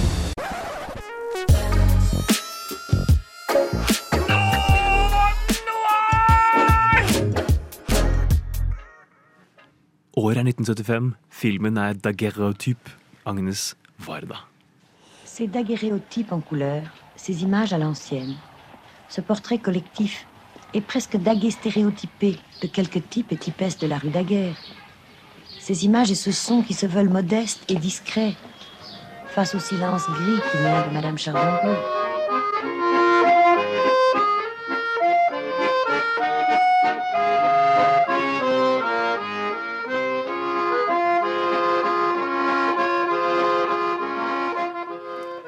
Yes. Um, det her var en veldig søt liten dokumentar av Agnes Varda, hvor man får se Det er små vignetter av uh, små butikker i, um, i gaten um, um, Å uh, Daguerre, uh, Daguerre Rue jeg. Ja. Ja, Rue, Rue. Penny. Um, og hva sa du? Det er litt penny. Ja, det er litt penny. Og det er det. Fordi det er sånn, eh, den er jo oppkalt etter Louis Daguerre, tror jeg. eh, Som eh, oppfant den første måten å fremkalle film på i sånn Ja, 1839. bilder, ja. Eh, Og det er det, det filmen er oppkalt etter også. Daguerreotyp. Um, Daguerreotypes. ja, daguerreotype. Um, men um, ja, så det er jo egentlig bare masse små, små scener fra hverdagslivet i den gaten. Og Agnes Varda bodde jo i den gaten her, eh, leser jeg. Og da hadde hun nyfød, eller et to år gammelt barn, så hun kunne ikke dra for langt hjemmefra. Og så hadde en masse kabler som var festa til fotoutstyret, og de nådde maks 90 meter. Så alt er liksom filmet eh, innen 90 meters avstand fra hjemmet hennes. da. Det er sånn, kanskje den beste tittelen på en film noensinne, for den sier så utrolig mye bare akkurat hva filmen handler om. Mm. Hun har bare, liksom. Det er jo et slags fotografi, og hun har på en måte og så har hun kombinert det med types, som i typer, og så har hun fotografert forskjellige typer. Det er akkurat det hun har gjort. Mm. det er typene Det er fra. Rue. Ja, Mm. som er gatenavnet. Det er sånn, hun burde fått en pris bare for den tittelen. Ja, for det er helt nydelig. Men det er jo bare et portrett av alle disse nydelige, rare menneskene i gata hennes. da. Mm. Og nå som sikkert mange av dem er døde, så er det sånn vakkert å tenke på at Men det er de er fanget på film. mm, det er det, og jeg føler det er sånn eh, Når jeg ser på det her, så er det, det er et helt annet univers. Eller er sånn annen verden enn det vi lever i i dag. Eh, bare alt fra estetikk til liksom penger og hvordan man handler. Det er sånn, Å dra til slakteren har jeg liksom aldri gjort i livet mitt. Og det, og det at jeg har så personlig forhold til de som jobber i de forskjellige butikkene. Mm. Folk kommer inn og man kjenner hverandre, man ser hverandre hver dag, man skal ha en bagett, den samme bagetten som man skal ha hver dag. Og man skal inn til slakteren, og slakteren står her og liksom skjærer det av og, og gjør liksom alle tingene. Og det er, det er håndverk! Det er virkelig håndverk. Det, det fikk meg til å tenke på den Beatles-sangen. Den der, Er det Obladi Oblada? Hvor de synger om Nei, det er en sånn gate som synger sånn uh, Jessie. Eller, altså, Det handler om alle de små butikkene Ja. som de besøker i sangen. Jeg husker ikke om det er Obladi Oblada, men det er en Beatles-sang som beskriver en liten by, og så snakker de om alle de forskjellige sjappene. Litt okay. som å spille Sims. Yeah, det blir bare sånn, Og der er slakteren, og der er det Det er veldig koselig. Uh, og jeg merket jeg ble i kjempegodt humør av å følge livene til alle disse menneskene. Samtidig som det var noe litt trist i det òg. Det er litt igjen så eh, Modernismen kommer inn fra sidelinjen. Vi ser menneskelivet litt utenifra. Vi er små maur i et system. Jeg vet ikke, eh, men eh, Kjedet dere dere? Jeg kjeder meg ikke i det hele tatt. Kjeder meg absolutt ikke. Men, men det, det du sier liksom eh, om, om tristheten Jeg føler liksom, det ligger liksom en tristhet i å sitte i vår tid og se tilbake på den tiden her og tenke at dette her er på en måte en utløpsdato. Det livet som de lever her, er, det finnes, finnes liksom ikke i Paris i dag. Eh, og eh, det er egentlig veldig synd, for det er et veldig vakkert liv. Mm. Ja, men Både og. For det, man ser jo også at det er eh, Altså, De er jo ikke veldig fattige, men man ser mye fattigdom. At det er folk som sliter veldig hardt med økonomi, og de jobber ræva av seg, liksom. Og har liksom ikke eh, noe ordentlig liv som vi har, da. Eh, hvis man skal ka- sammenligne med oss. Eh, utenom jobb. Ja, de jobber jo døgnet rundt. Som for eksempel bakeren. Han sier jo sånn man, man, eh, man blir introdusert til et bakeri hvor de baker bagetter og så videre. Og så han bakeren som lager disse bagettene, han forklarer at han drømmer om bagetter. Og han, eh, han tenker på bagetter hele tiden, og han har ikke tid til noe annet enn det. Ja, det Alle disse menneskene blir jo veldig sånn eh, portrettert som arbeidere. Vi ser dem jo bare på jobb, og de snakker veldig mye om jobben sin. Ja. Og eh, hvert eneste salg, når vi får følge et salg, så er det veldig stort. Det er sånn 'Å, nå kommer det en kunde'. Mm. Det, sånn, det føles veldig sånn og det- Livet står på spill. Ja, det gjør det. Og det er litt Jeg merker at jeg syns det er sårt. Spesielt eh, de, kanskje det paret man følger mest, som er sånn parfymeri. En litt eldre mann og en litt eldre kvinne. Eh, hvor hun kvinnen egentlig bare går litt sånn rotløs rundt i butikken. Hun hjelper liksom ikke til, hun bare er der og ser litt sånn lost ut. Men det virker som at hun har, hun har blitt litt syk. Ja. Eller begynner å nærme seg slutten, vil jeg. Jeg, jeg følte at det var fordi hun ikke lever drømmen sin. Fordi han sier at hun egentlig hadde lyst til å lage smykker, men hadde det ikke råd til. Og så filmer de henne se sånn trist ut når han sier det. Ja, men, men, også, men han, mot slutten så forklarer han også at hun eh, sier at hun alltid skal dra, men så ender det opp med at hun ikke drar. Og hun virker veldig vimsete og begynner å fikle med kunden sin jakke og Jeg vet ikke, jeg bare følte at hun var rastløs og ikke helt levde det livet hun ville leve. I hvert fall det med klokken seks. At hun hver dag klokken seks så skal, sier hun at hun skal dra, men hun drar aldri. Jeg føler det er henne som drømmer om et bedre liv, men aldri tar steget. Mm. Jeg fikk, jeg, i, I en av de scenene hvor vi, hvor vi møter disse her, så fikk jeg liksom et bilde i hodet som jeg ikke klarte å bli kvitt. Et bilde av at han mannen eh, hennes egentlig er ganske fæl med henne. Nei! At, eh, jeg, fikk- jeg, fikk, liksom litt inntrykk av at det var liksom en eller annen spenning der med at han liksom, det, et, eller annet mer liksom, måten han uttrykte på seg på, som fikk meg til å tenke at faen, er han her? Er han egentlig, har han egentlig misbrukt kona si? Er det det som er liksom oh, nei, greia? det følte ikke jeg. Nei, jeg, jeg følte det, var bilde, ja. det, men eh, det var ikke meningen oh, å ødelegge filmopplevelsen for dere. Jeg bare, det, det var, eh, når jeg først hadde tenkt det, så var det veldig, vanskelig å legge det fra seg. Ah, men jeg følte veldig at hun ikke var lykkelig. da. Jeg Mm, følte at hun var ja. kjempemelankolsk og egentlig ville ha et annet liv. Ja. Um, Men, men hva var det som trigget det hos deg da, Alex? Det var et eller annet med uttrykket hans. Liksom den der liksom, sånn glassaktige eh, måten han framtrer på, liksom smilet og, og ja, Jeg vet ikke helt. Det var, det, var en annen, det var et eller annet jeg plukket opp på. Du jeg vet ikke om det er sant, eh, for alt jeg vet. Men eh, det er jo en annen aspekt av den filmen som vi ikke har snakket med nå. Det er jo denne magikeren som kommer inn. Og liksom ha, skal ha show for alle sammen. Og vi møter liksom alle karakterene som vi har møtt, kommer liksom inn i eh, den lokale baren, og så er det han eh, magikeren som står der og skal gjøre liksom trylletriks. Eh, hva, slags, hva slags funksjon føler du at den scenen eh, hadde i filmen? Um, nei, jeg syns det var litt sånn Det var en litt sånn morsom del, men jeg syns det var kanskje den eh, minst interessante av de ulike portrettene. Men um, Eller bare sånn Syns du det? Ja.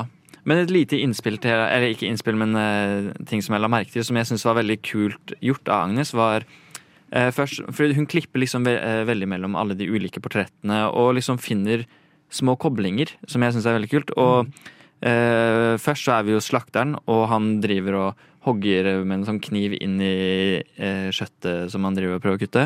Og så plutselig klipper han over til magikeren som stikker en kniv gjennom hånda si og har blod overalt.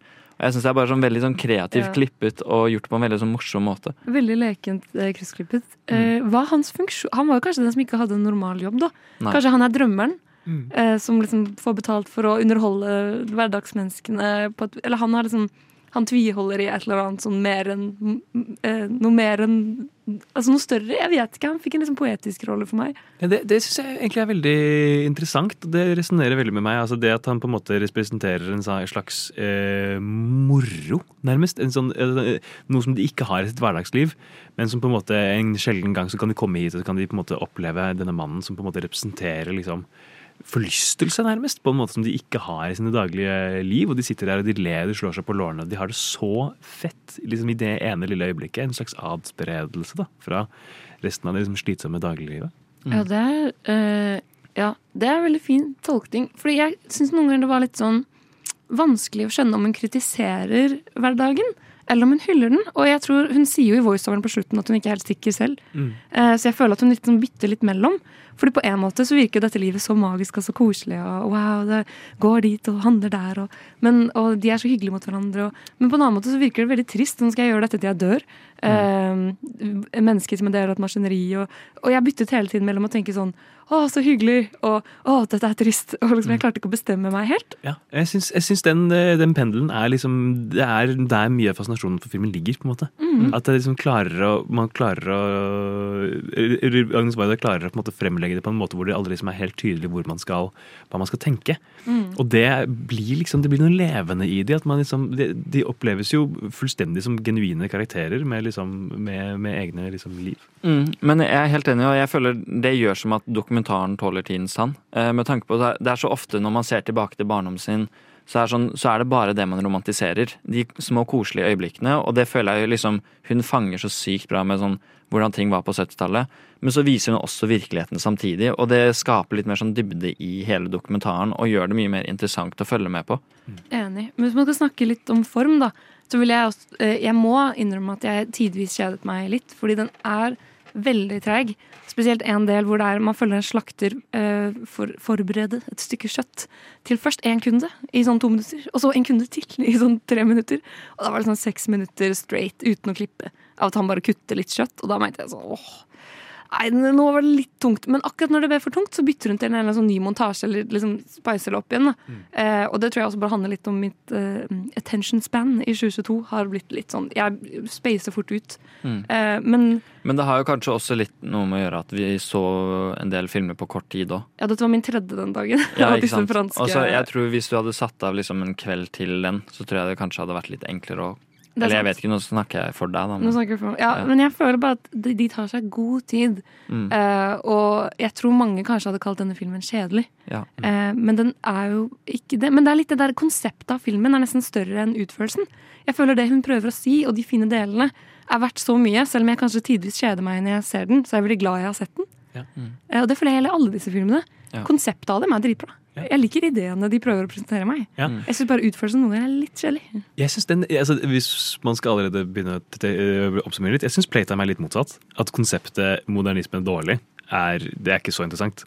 Men måten det er utført på, Gjør det interessant. gjør det interessant. på en Mm. måte. Kanskje vi egentlig bare skal gjøre det. Hoppe over i oppsummeringen.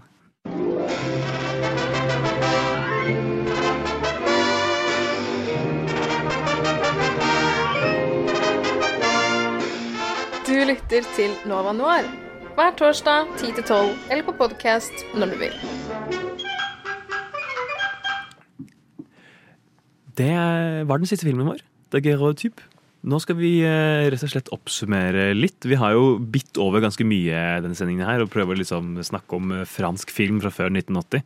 Og vi begynner jo i 1959 med, med eh, hva skal man kalle det, altså nybølgens gjennom, gjennombrudd med Four Hundred Blows. Og man kunne selvfølgelig dratt den enda lenger bak og snakket om mye tidligere filmer. Men jeg tror egentlig bare for vår egen del, for å holde det interessant for oss, så har vi måttet starte der. Og da hadde vi kanskje ikke begynt i Frankrike heller. For Nei. da er det på en måte Italia var egentlig litt først. Og liksom, hvis, man, eh, hvis man skal gå liksom filmhistorisk bakover. Ja, ja, ja. Eh. ja det er mye interessante filmer fra Frankrike fra mellomkrigstiden og etter eh, det. altså, Absolutt. Men, men vi starta med 400 Blows, og det er jeg egentlig veldig fornøyd med. Min personlige favorittfilm.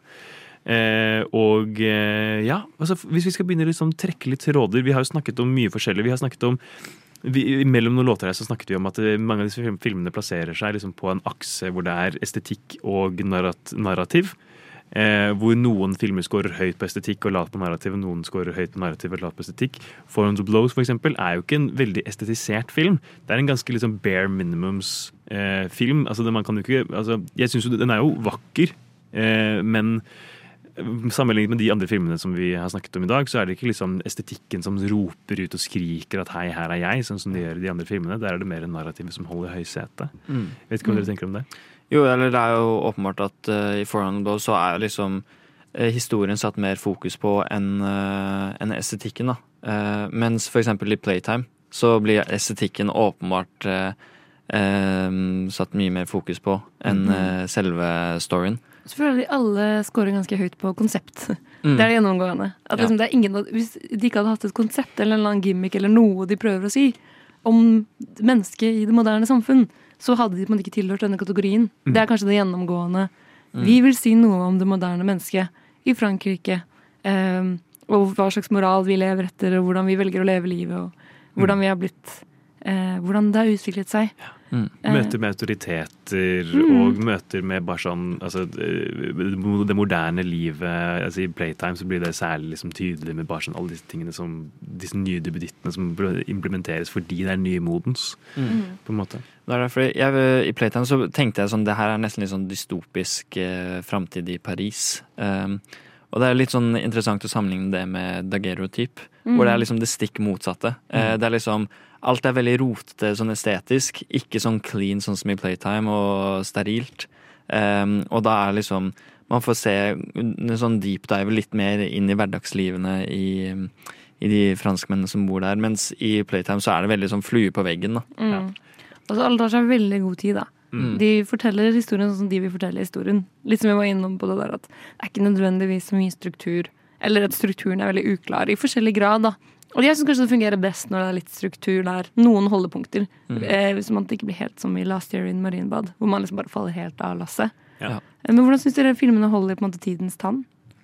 Eh, Det syns jeg egentlig er ganske gjennomgående for alle filmene vi har sett i dag. At de tåler å bli sett på nytt i dag. Eh, og så er det på en måte ting man kan trekke inn og man kan relatere, til liksom mer moderne tider. Og det føler jeg er veldig, veldig positivt med alle filmene. Mm. Nei, jeg er enig. Det, altså, jeg føler det er liksom sånn uh, Last Year at Marienbad det er kanskje den for min del som har tålt tiden sånn minst. Men, uh, men det er, tror jeg er mer bare personlig mening med at det var liksom en suppe av masse scener, og skjønner ikke helt hvor, hvor man er i storyen. Det var det sikkert på 60-tallet òg. Mm. Satt sikkert masse folk på kino og var sånn hva faen er det? Ikke sant? Det er det. Men jeg tror, altså, akkurat der ligger det også en stor forskjell i at man så den på kino. Ja. Eh, Jeg så den på Mac-en i sengen min, og Mm. det var et utrolig dårlig sted å se den. Mm. Ja. Eh, For jeg klarte ikke å la meg fange med, jeg lot meg distrahere telefonen min hele tiden. Og det er, altså det, Hvis man virkelig skal få en ordentlig opplevelse ut av den, så tror jeg liksom det, at du så den sammen med din kjæreste, også var det veldig lurt at man ser den sammen med noen. At Ja. du ikke bare er alene. Sliten etter en lang dag, hadde mer lyst til å se Playtime. Ja. Men det er- lagt det veldig dårlig opp. Men det er også et uh, viktig argument for uh, Det er mange filmer på den tiden som er laget for å vises på kino, og ikke se på en liten skjerm hjemme. Ja. Eh, og det er sånn Kinoopplevelse er en helt annen opplevelse enn å se det på Mac-en sin. Mm. Eh, og det er eksempel det estetiske, da. eh, i, det er sånn eh, det anslaget i um, Last Year at Marienbad Det er sånn Man kan bare forestille seg åssen det er på kino, og da setter man av kun tid til å bare se på det og gi all fokus. Mm. Mens eh, hjemme så er det fort gjort å dra fram telefonen, man får litt meldinger her og der, og Ja. man har ikke 100 eh, fokus på det. Nei, det er sant. Jeg bare merker jeg elsker Selv om jeg kan sitte og se disse filmene og være sånn åh, litt kjedelig, så, eh, så går jeg ut etterpå og har bare utrolig god følelse i kroppen. Og jeg sånn, jeg er så glad jeg så den, og det ga meg noe. Og, eh, og jeg elsker liksom hva de har gjort for resten av filmhistorien. For eksempel sånn eh, Sofia Coppola, en av mine favorittregissører. Den moderne modernisten, på en måte. Hun lager jo filmer om akkurat samme tematikk, og mennesker satt i rare univers. Og, og det, liksom, det kan vi takke de for. Jeg føler liksom at eh, det universet de skapte, og hva det gjorde med alle filmene som kom etterpå, Mm. er så unikt, da. Det er litt gøy å liksom se, uh, se der hvor det starta. Hvor Ja. alle har liksom fått sine små ideer fra, og referanser osv. Ja, det er veldig mange, altså man, kan, man kan trekke veldig mange tråder her. Det er jo tydelige tråder fra From the Blows til f.eks. Frances Ha er jo veldig en liksom, åpenbar eh, overgang. Playtime, jeg tenkte en del på Playtime da jeg så den, at den eh, trekker også veldig mye tråder til liksom eh, fransk film på 90-tallet. Eh, gjerne altså de filmene som er laget av de samme som har laget eh, Ma- Amelie-filmen. Eh, der De har trukket veldig mye, både liksom den fysiske komikken og liksom estetikken også. Eh, og absolutt altså, gjennomgående for disse filmene her at det er, ja. det er Man kan se liksom sporene deres Ja. senere. Richard Linklater er 100 Romer-fan. Han har sikkert sett alle Romer sine filmer og sitter og tar notater før han Mm. lager Before-trilogien. Det er så åpenbart, liksom. Og verdens verste menneske også. Ja, ja, ja. Joakim Ja. Trier er jo Ja, ja. kjempenybølge-fan. Det Mm. merker man jo. Og også reprise kan minne masse om eh, eh, disse filmene og stilen. og liksom At man leker i form. og, og Verdens verste menneske i den scenen hvor alle står stille. Er det ikke en annen fransk film som gjør akkurat det? De gjør jo det i Last Night at Marienbad. Ja, det gjør de òg! Mm. Ikke sant? Her det er det flere vi scener hvor liksom karakterene går igjennom, og så står liksom hele verden stille. Ja, verden stille. Som for eksempel de er på et selskap, og da står liksom alle, alle helt stille. Ja, Det er veldig gøy. Mm. Det er fascinerende. Jeg gleder meg til vi skal i gang med fransk film etter 1980. Jeg har fått veldig, ble veldig gira av denne sendingen her. Vi er dessverre nødt til å gå videre og skal avslutte litt, men før det så skal vi høre De Boots Deg av Katarina Barro. Og nå er vi drøye! Og så er det sånn, men dere er jo egentlig ikke det. Nova Noir. Vi er ferdige for dagen. Vi skal rett og slett bare ja, avslutte litt, tise litt hva som kommer eh, videre. Jeg har i hvert fall storkost meg med dagens eh, sending med franske filmer. Jeg gleder meg som bare rakkeren til uh, nummer to. Det blir vel en gang på nyåret. Ja. Det blir dritbra. Kommer i 2023. Kommer i 2023. Bare å sitte og vente. Ja. Og kanskje vi eh, tar det fra Paris? Jeg bare kaster det ut der som Ja. du det, Lukas? har du på tråden? Ja. Ja, ja, ja. ja det hadde vært noe. Ingen Ja. kommentar. Ja. Ingen kommentar. Ingen kommentar. Du kan ta med kjæresten din. Kanskje det. Nei, eh, vi eh, i Novo Noir vi gjør oss jo klare for å oppsummere filmåret. Vi holder eh, på. Det kommer en eh, oppsummerende sending da den 13. Nei, hva blir det? Den 15. desember. Det er en ganske hard konkurranse. Eh, Mm. Vi pleier jo ikke å være enige. Eh, Vi pleier jo å krangle om hvilke filmer som er best hvert eneste år. Eh, Så i år så har vi laget et slags sånn Eurovision-system. Vi har hatt noe lignende tidligere, men vi har aldri tatt det så langt som i år. Mm. Eh, Der vi nå alle har nominert filmer, og ut fra det skal vi lage en runde to hvor alle skal rangere de 15 filmene som har fått flest poeng, og så kan man gi minuspoeng, og det kommer til å bli liksom blodbad. Den sendingen kommer 15. desember, så da er det bare å glede seg. Ja. Eh, Jeg håper de jeg liker best, kommer høyt opp. Hvis ikke kommer jeg til å være bitter. Det er jo alltid noen som blir eh, misfornøyde og fornøyde på disse våre årlige oppsummeringer. Ja. Eh, og det er ofte litt kniving i studio her hvor man skal prøve å kjempe sin film, sin sak. Ja. Eh, det er en av mine favorittsendinger i året. er Ja. Den hvor man liksom virkelig får lov til å kvesse knivene og man liksom, man må opp og diskutere og krangle litt for å fremme sin film. Det er gøy. Jeg husker til denne dag veldig godt Tennet-debatten fra 2021. Tenet-debatten. Det var deg mot meg mot Ja, ja, eh, ja. Lars, tror jeg. Alexander. Ja, det det var Lars og deg mot meg, Ja, tror jeg. eh, Vi begge følte vi vant. Så Ja. kanskje det hadde vært gøy å gå tilbake og høre litt. Hvem vant egentlig? egentlig- Noe på avstand. egentlig. Eh, Det er noe med Når noen hater veldig på en film, så får jeg noen ganger litt lyst til å ta den i forsvar. Ja. Og så gjør jeg den til litt sånn min identitet. Ja. Eh, Det gjorde jeg litt med tennis. Så jeg var sånn, da, men da er det ofte sånn Det er satire! Du heier på underdogsa. Ja, litt samme med Don't Look Up. Det var så mange som hatet den her i redaksjonen. Det er satire! Da var det er satire! Det er meningen! Alt du føler er meningen! Så tar jeg liksom Så det blir spennende å se hvordan det går nå. Ja, ja, ja. Det blir dere, er det en film dere har en knapp på som dere tror ikke i det hele tatt kommer til å komme Drive my car. Å, du tror ikke den kommer til å nå opp? Nei, jeg tror det er for mange som ikke liker den. Jeg håper Morbius kommer her. Heia Morbius. Det er så å si It's en av de få time. filmene jeg har sett fra i år. Men neste uke er det fortsatt ordinær eh, sending. Det er det. Så det er bare å følge med. Ja. Mm. Det blir Og spennende. Det blir veldig spennende. Nei, men eh, vi får egentlig bare takke for oss. Det har vært en helt uh, fantastisk dag i studio her, syns jeg. Jeg har vært Alexander Stenius, og med meg har jeg hatt meg. Je m'appelle Luca, et je suis moi. uh, je m'appelle en blad og med oss har vi hatt Ragnhild Bjørlikke på teknikken. Tusen takk for oss! Merci beaucoup. À bientôt, à bientôt.